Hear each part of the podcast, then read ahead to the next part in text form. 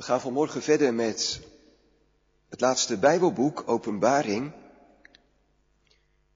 Maar ik lees eerst nog twee andere gedeelten uit de Bijbel. Eerst enkele versen uit Lucas 22 en ook een vers uit Jacobus 4. En daarna lezen we het Bijbelgedeelte wat in de preek centraal zal staan, Openbaring 12. Maar eerst Lucas 22. En we lezen de versen 31 tot 34. Petrus die gewaarschuwd wordt, de Jezus, hij zegt tegen hem, Simon, Simon, zie, de Satan heeft u allen opgeëist om te ziften als de tarwe. Maar ik heb voor u gebeden dat uw geloof niet ophoudt. En u, als u eens tot inkeer gekomen bent, versterk dan uw broeders. En Petrus zei tegen hem, Heere, met u ben ik bereid om zelfs de gevangenis en de dood in te gaan. Maar Jezus zei, ik zeg u Petrus, de haan zal vandaag beslist niet kraaien, voordat u driemaal gelogend zult hebben dat u mij kent. Tot zover deze eerste schriftlezing. Dan Jacobus 4. En we lezen het zevende vers.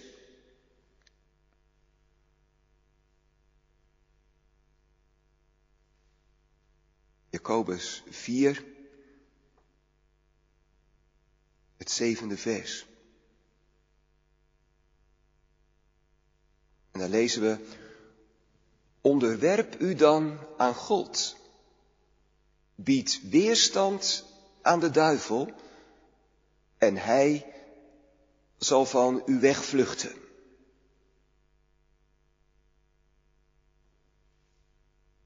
En dan de derde schriftlezing, openbaring, hoofdstuk 12.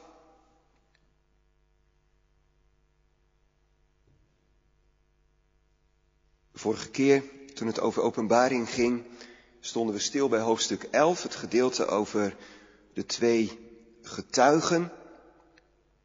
De roeping van de kerk om een licht te zijn in deze wereld, van de Heer Jezus te getuigen. Het einde van openbaring 11 gaat over het einde ook van deze wereld, hoe God zijn werk afmaakt. En dat zien we vaker in openbaring. Dan gaat het over het einde.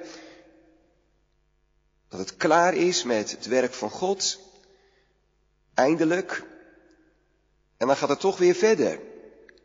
En dan krijgen we weer een nieuw plaatje, een nieuw visioen over de eindtijd. Dan gaat het in hoofdstuk 12 over de vrouw, een beeld voor de kerk en de draak, een beeld voor de duivel. We lezen in Openbaring 12 en er verscheen een groot teken in de hemel. Een vrouw, bekleed met de zon, en de maan was onder haar voeten, en op haar hoofd een kroon van twaalf sterren. En ze was zwanger en schreeuwde het uit in barensnood en in haar pijn om te baren. En er verscheen een ander teken in de hemel. En zie, een grote, vuurrode draak met zeven koppen en tien horens. En op zijn zeven koppen zeven diademen. En zijn staart veegde het derde deel van de sterren van de hemel en wierp die op de aarde. En de draak stond voor de vrouw, die op het punt stond te baren, om haar kind te verslinden, zodat zij, zodra zij het gebaard zou hebben. En ze baarde een zoon, een mannelijk kind, dat alle heidevolken zal hoeden met een ijzeren staf. En haar kind werd weggerukt naar God en naar zijn troon. En de vrouw vluchtte naar de woestijn, waar zij een plaats had die door God voor haar gereed gemaakt was, opdat men haar daar zou voeden, 1260 dagen. Toen brak er oorlog uit in de hemel. Michael en zijn engelen voerden oorlog tegen de draak. Ook de draak en zijn engelen voerden oorlog. Maar ze waren niet sterk genoeg en hun plaats werd in de hemel niet meer gevonden. En de grote draak werd neergeworpen, namelijk de oude slang. Verwijzing naar Genesis 3, die duivel en Satan genoemd wordt, die de hele wereld misleidt. Hij werd neergeworpen op de aarde en zijn engelen werden met hem neergeworpen. En ik hoorde een luide stem in de hemel zeggen, nu is gekomen de zaligheid, de kracht en het koninkrijk van onze God en de macht van zijn Christus. Want de aanklager van onze broeders, die hen dag en nacht aanklaagde voor onze God, is neergeworpen. En ze hebben hem overwonnen door het bloed van het lam en door het woord van hun getuigenis. En ze hebben hun leven niet lief gehad tot in de dood. Daarom verblijdt u, hemelen, en u die daarin woont. Wee hun die de aarde en de zee bewonen. Want de duivel is naar beneden gekomen, naar u toe, in grote woede, omdat hij weet dat hij nog maar weinig tijd heeft. En zodra de draak zag dat hij op de aarde was neergeworpen, ging hij de vrouw vervolgen die het mannelijke kind gebaard had. En aan de vrouw werden twee vleugels van een grote arend gegeven, opdat zij naar de woestijn zou vliegen, naar haar plaats waar zij gevoed wordt, een tijd en tijden en een halve tijd, buiten het gezicht van de slang. En de slang spuwde uit zijn bek water als een rivier de vrouw achterna, om haar door de rivier te laten meesleuren. Maar de aarde kwam de vrouw te hulp. En de aarde opende haar mond en verzwolg de rivier die de draak uit zijn bek had gespuwd. En de draak werd boos op de vrouw en ging heen om oorlog te voeren tegen de overige van haar nageslacht, die de geboden van God in acht nemen en het getuigenis van Jezus Christus hebben. En ik stond op het zand bij de zee. Tot zover dit Bijbelgedeelte uit Openbaring. Een heel bijzonder visioen. De tekst voor de preek is het negende vers, waar we lezen, en de grote draak werd neergeworpen, namelijk de oude slang, die duivel en Satan genoemd wordt, die de hele wereld misleidt. Hij werd neergeworpen op de aarde en zijn engelen werden met hem neergeworpen. En we letten in de preek op twee dingen die in dit Bijbelgedeelte in Openbaring 12 naar ons toe komen. Allereerst, we hebben een gevaarlijke en machtige vijand. En in de tweede plaats, het is een overwonnen en een verslagen vijand. Een gevaarlijke en machtige vijand en een overwonnen en verslagen vijand. Op de website staan ook een paar vragen die misschien kunnen helpen, vooral ook de jongens en de meisjes, om de preek beter te kunnen onthouden en ook voor jezelf er wat van mee te nemen. Het is vanmorgen wel best een lastig hoofdstuk. Sowieso is openbaring ook een heel lastig Bijbelboek. En tegelijkertijd is de hoofdlijn ook weer niet zo heel moeilijk. En ik hoop dat die vanmorgen in ieder geval tot ons doordringt. Jongens en meisjes, stel je voor, je bent aan het spelen in de speeltuin en een jongen wil met je meespelen. En in het begin lijkt hij best aardig en is het ook best leuk om met hem te spelen. Maar later begint hij gemeen te doen en ruzie te zoeken. En nog weer later wil hij zelfs met je gaan vechten. Nou, wat ben je dan blij als je oudere broer eraan komt, die veel groter en veel sterker is dan die jongen. En als je oudere broer het voor je opneemt. Nou, dat is eigenlijk waar het vanmorgen in de preek over gaat. We hebben weer een gedeelte gelezen uit Openbaring, hoofdstuk 12. Een heel bijzonder Bijbelgedeelte over een vrouw, over een draak, over een kind, over een gevecht, een oorlog in de hemel en over de vrouw die vleugels krijgt en over een rivier van water die opgeslokt wordt door de aarde. Het lijkt wel een sprookje. En dat heeft te maken met de bijzondere stijl van dit Bijbelboek. Ik heb het al heel wat keren gezegd, Openbaring, dat is een plaatjesboek. Niet letterlijk, er staan geen plaatjes in, maar de Heere God laat ons wel van alles zien. Allerlei visioenen, vol met allerlei beelden, die we vaak al eerder in de Bijbel tegenkomen.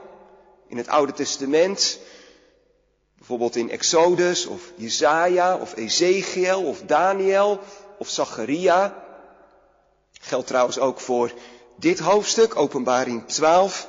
De beelden die we tegenkomen, we komen ze al eerder tegen, vooral in Exodus, in Jesaja.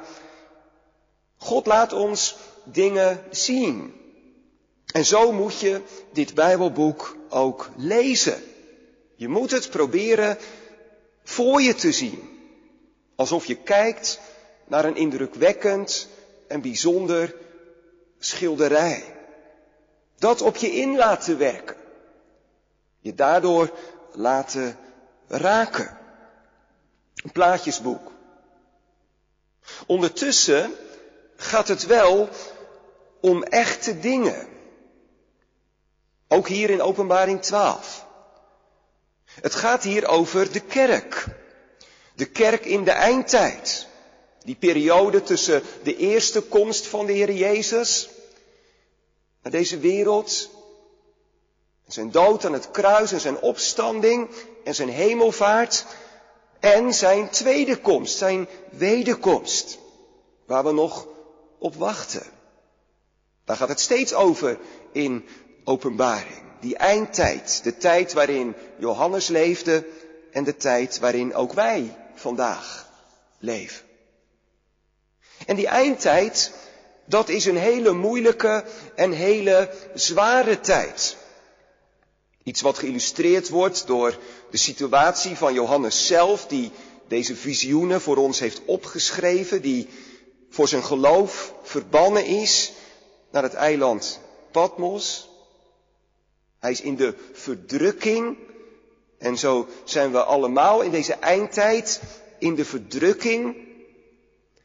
Maar dat zou je niet zeggen als je het eerste vers van Openbaring 12 leest.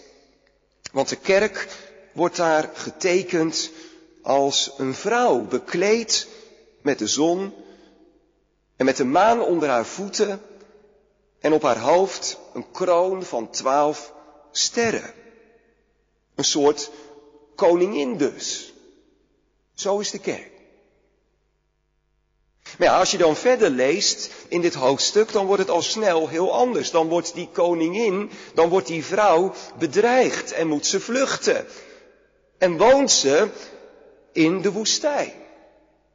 1260 dagen lezen we in vers 6. En in vers 14 staat het zo, een tijd, tijden en een halve tijd. Drieënhalf jaar. Diezelfde periode. Die staat voor de hele eindtijd. En zo worden we er dus opnieuw aan herinnerd dat de eindtijd een tijd is van verdrukking. En dat heeft ook alles te maken met de duivel. De grote tegenstander van de Heere God. Die probeert om het werk van God stuk te maken. Dat deed hij al in het paradijs. Toen de wereld nog maar net gemaakt was. Dat deed hij toen de Heer Jezus geboren werd. Waar het over gaat in vers 4.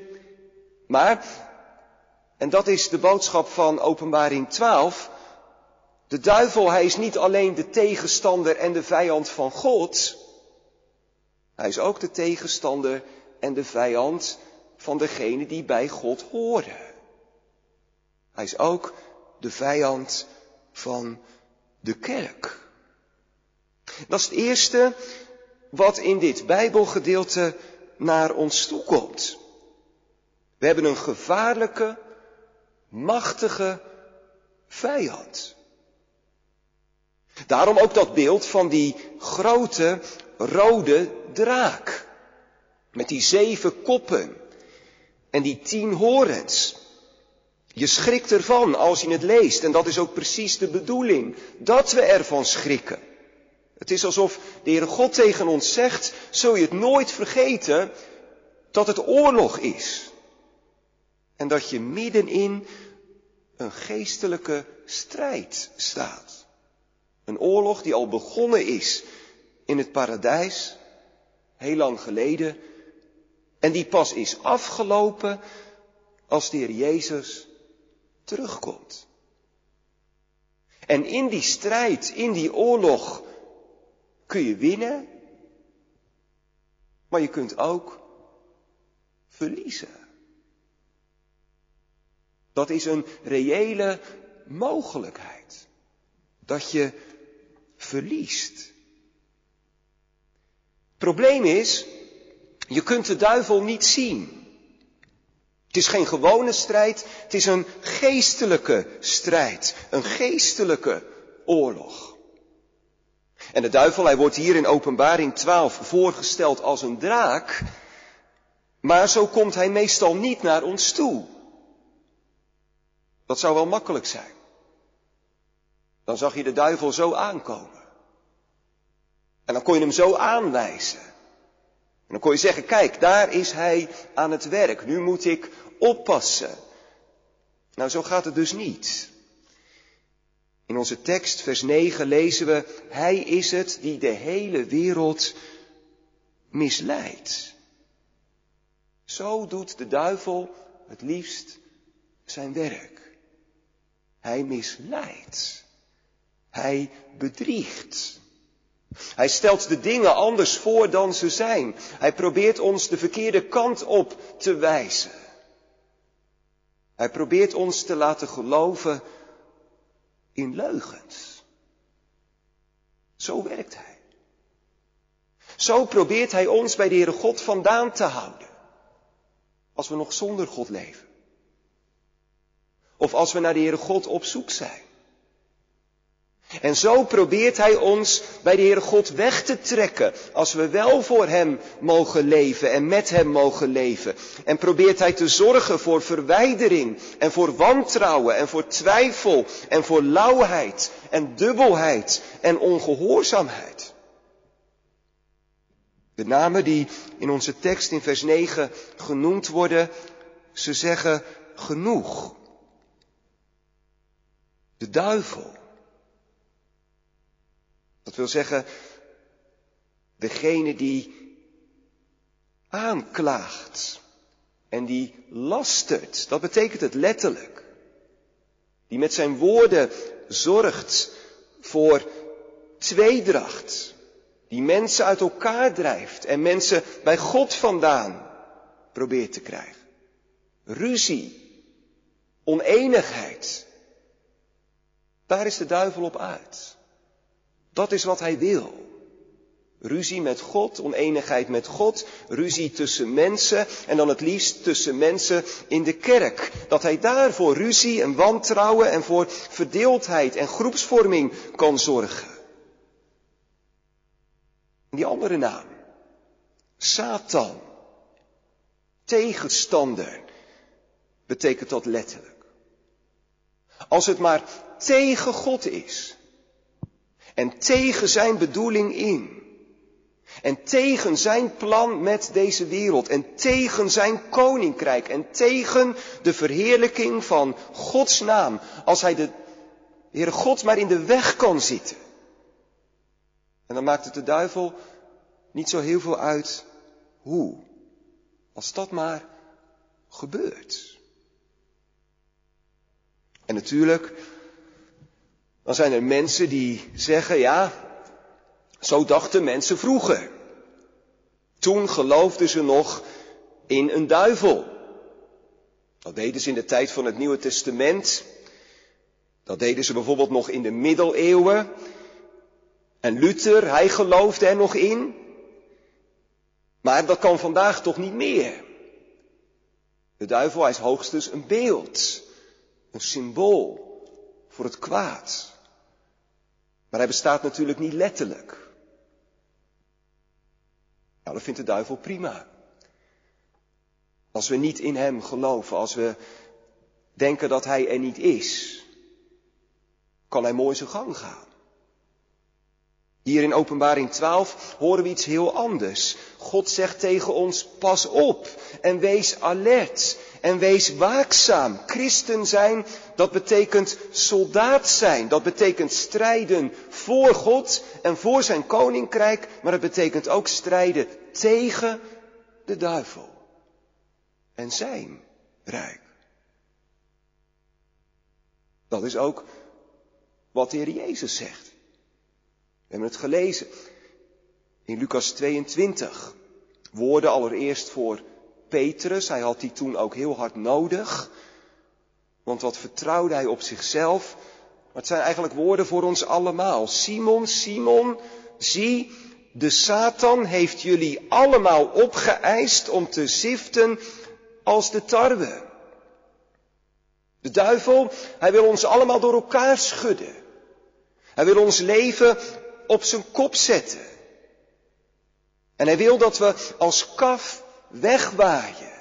Weg bij God vandaan. We hebben een machtige en een gevaarlijke vijand. En tegelijkertijd, en dat is het tweede wat in dit Bijbelgedeelte naar ons toe komt, is die gevaarlijke en machtige vijand ook een overwonnen en een verslagen vijand. En dat is zelfs de kern van Openbaring 12. En dat heeft te maken met dat kind waar we ook over lezen. Het kind van de vrouw. In vers 4 en vers 5 lezen we dat dat kind is geschreven met een hoofdletter door onze herziene statenvertaling. En daar is ook alle reden voor, want dat kind, dat is de Heer Jezus. Hij is de vervulling van die eerste evangeliebelofte uit de Bijbel in Genesis 3, vers 15. De tekst die hier op de achtergrond staat. Toen de Heere God het tegen de duivel zei, vlak na de zondeval. Vlak nadat Adam en Eva gezondigd hadden tegen God aan de kant van de duivel waren gaan staan, en het werk van God kapot hadden gemaakt, geen ja tegen hem hadden gezegd, maar nee, niet hadden getuigd, maar hem hadden verlogend, toen had de Heere God gezegd, nog voor hij Adam en Eva uit het paradijs had gezet, ik zal vijandschap teweeg brengen tussen jouw duivel en deze vrouw. En tussen jouw nageslacht en haar nageslacht. En dat zal u de kop vermorzelen. Nou, hier is dat kind. Wat dat gaat doen. Jezus. Hij wint het van de duivel. Maar wel op een heel bijzondere manier.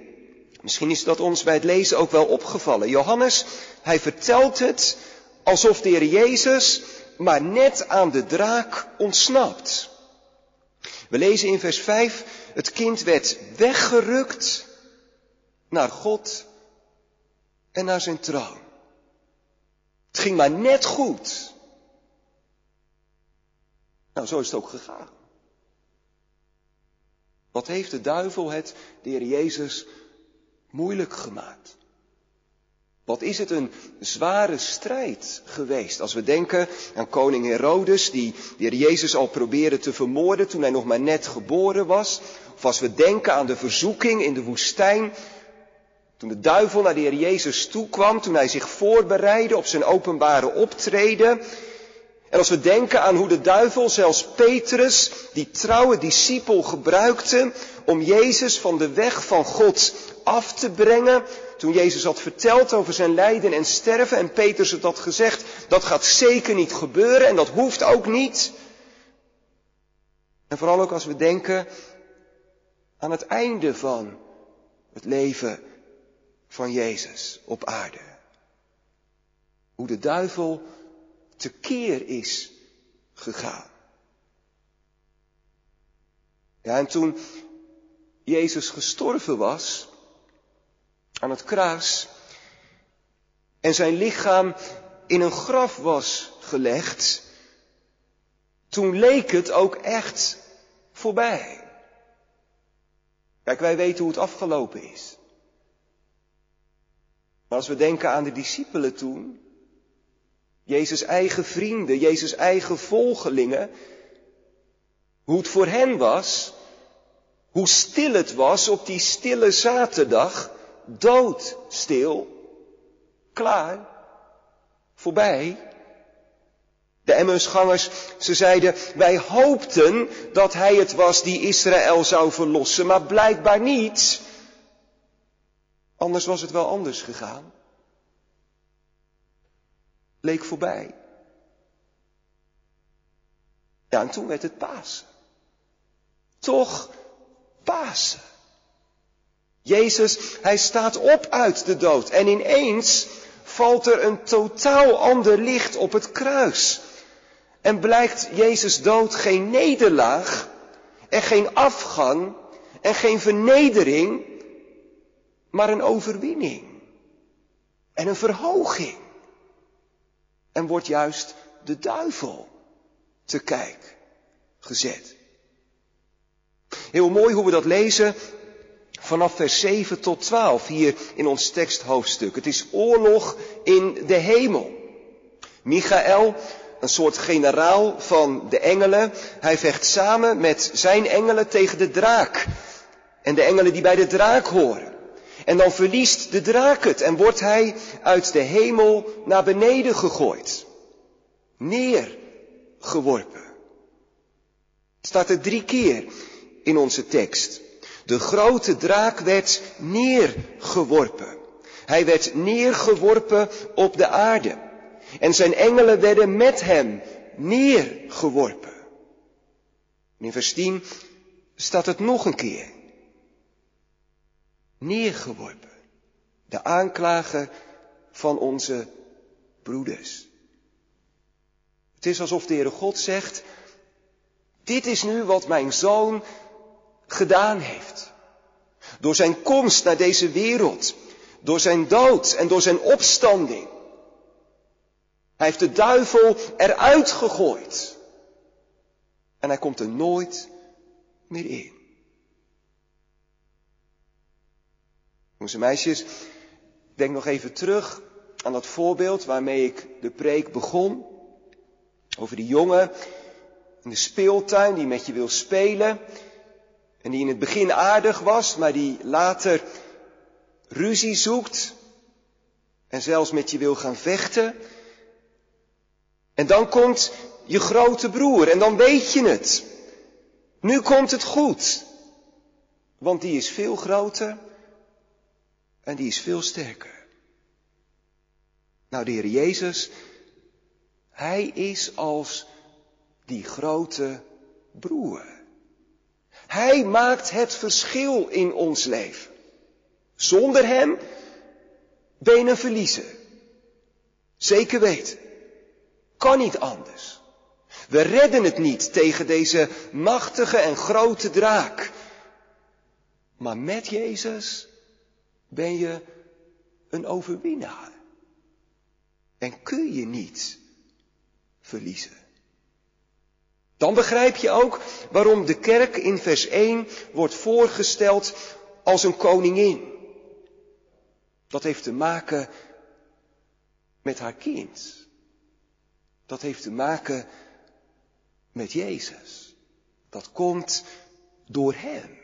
Wij zijn meer dan overwinnaars, zegt Paulus, door Hem die ons heeft liefgehad.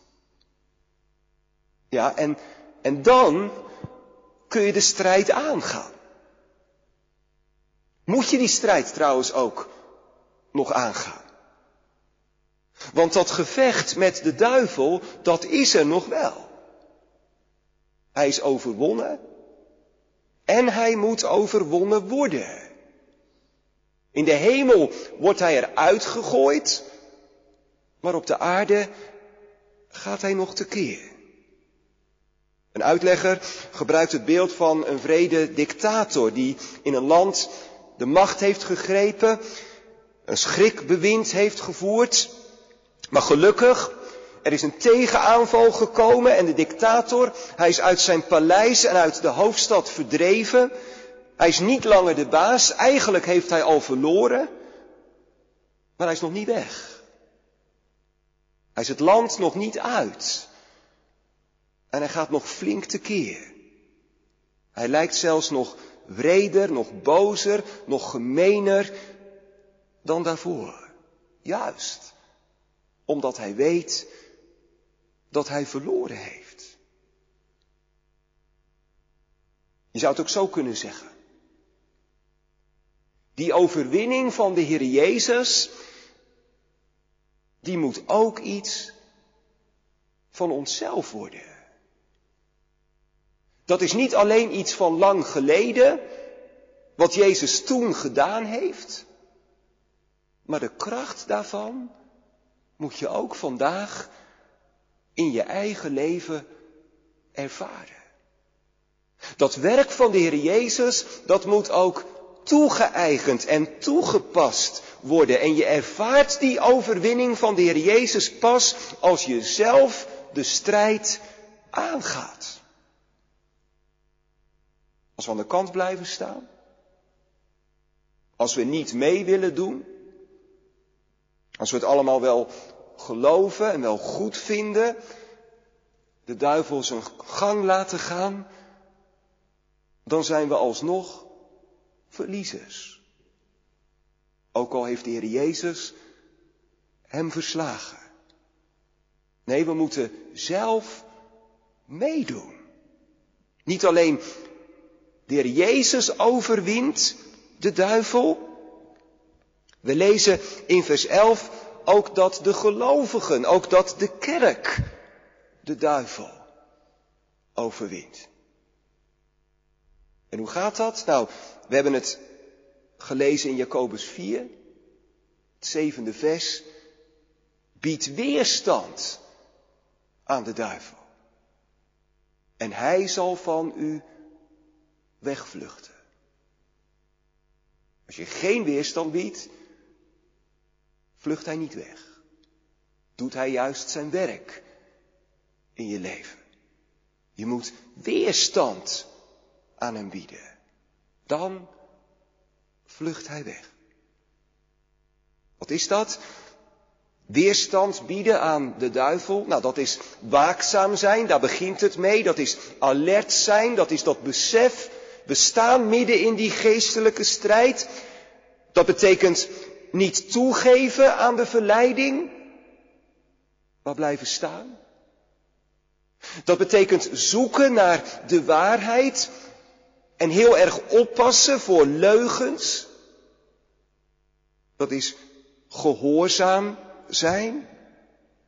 Dat wordt aan het eind van ons hoofdstuk nog eens benadrukt. Daar gaat het over de gelovigen. En er staat dat zij de geboden van God in acht nemen. Dat is ook weerstand bieden tegen de duivel. Juist Gods weg gaan. Gehoorzaam zijn hoeveel dat ook kost. En dat volhouden, hoe lang dat ook duurt. Maar weerstand bieden aan de duivel, dat is toch ook vooral schuilen bij de Heer Jezus. Die grote broer. Of zoals Paulus het zegt, want het is een Bijbels beeld, in Romeinen 8, onze oudste broer is de Heer Jezus. Hij komt ons te hulp. Hij is sterker. Daarom elke dag weer schuilen bij Hem. Houvast vinden in Zijn liefde, in Zijn genade, in Zijn macht, in Zijn zorg, Zijn belofte, Zijn kruis, Zijn opstanding, Zijn hemelvaart, Zijn overwinning, Zijn voorbeden. Ik heb voor u gebeden dat uw geloof niet ophoudt. Dat je het daarvan verwacht. En dat je dat zo hard nodig hebt. Schuilen bij de Heer Jezus. Zien door het geloof op Hem. Dan mag je met Luther tegen de duivel zeggen, duivel, je bent een overwonnen vijand. En je hebt niets meer over mij te zeggen. Je bent de hemel uitgegooid. Ik ben niet meer van jou. Ik ben van een ander. Ik ben het eigendom geworden van de Heer Jezus. En ik ben nog wel geneigd om te dwalen. En ik ben nog wel geneigd om te zondigen. En ik doe het ook keer op keer. Helaas wel, maar mijn heiland, de Heer Jezus, mijn oudste broer, hij houdt mij vast. En hij leidt mij door zijn heilige geest. En daarom zijn al je aanvallen en al je verleidingen te vergeefs. Ik ben veilig. Mooi hoe we dat ook lezen aan het einde van dit hoofdstuk. Als je schuilt bij de Heer Jezus, dan mag je het ervaren. Wat we hier lezen, de vrouw die moet vluchten voor de draak, de woestijn in. Ze krijgt vleugels van de Heere God. Grote, sterke vleugels van een arend. En ze is veilig. En er wordt voor haar gezorgd. Ook in de woestijn. Ook in de eindtijd. Ook in die tijd van verdrukking. Al moet er zelfs een wonder gebeuren. En al moet de aarde ons te hulp komen om die waterstroom van de duivel op te slokken. Zijn veilig. Dicht bij Jezus. Ook in de woestijn. Alleen dicht bij Jezus. Maar dicht bij Hem volstrekt veilig. Totdat we thuis zijn. En de woestijnreis voorbij is. En we door Hem het beloofde land binnen mogen gaan. Amen.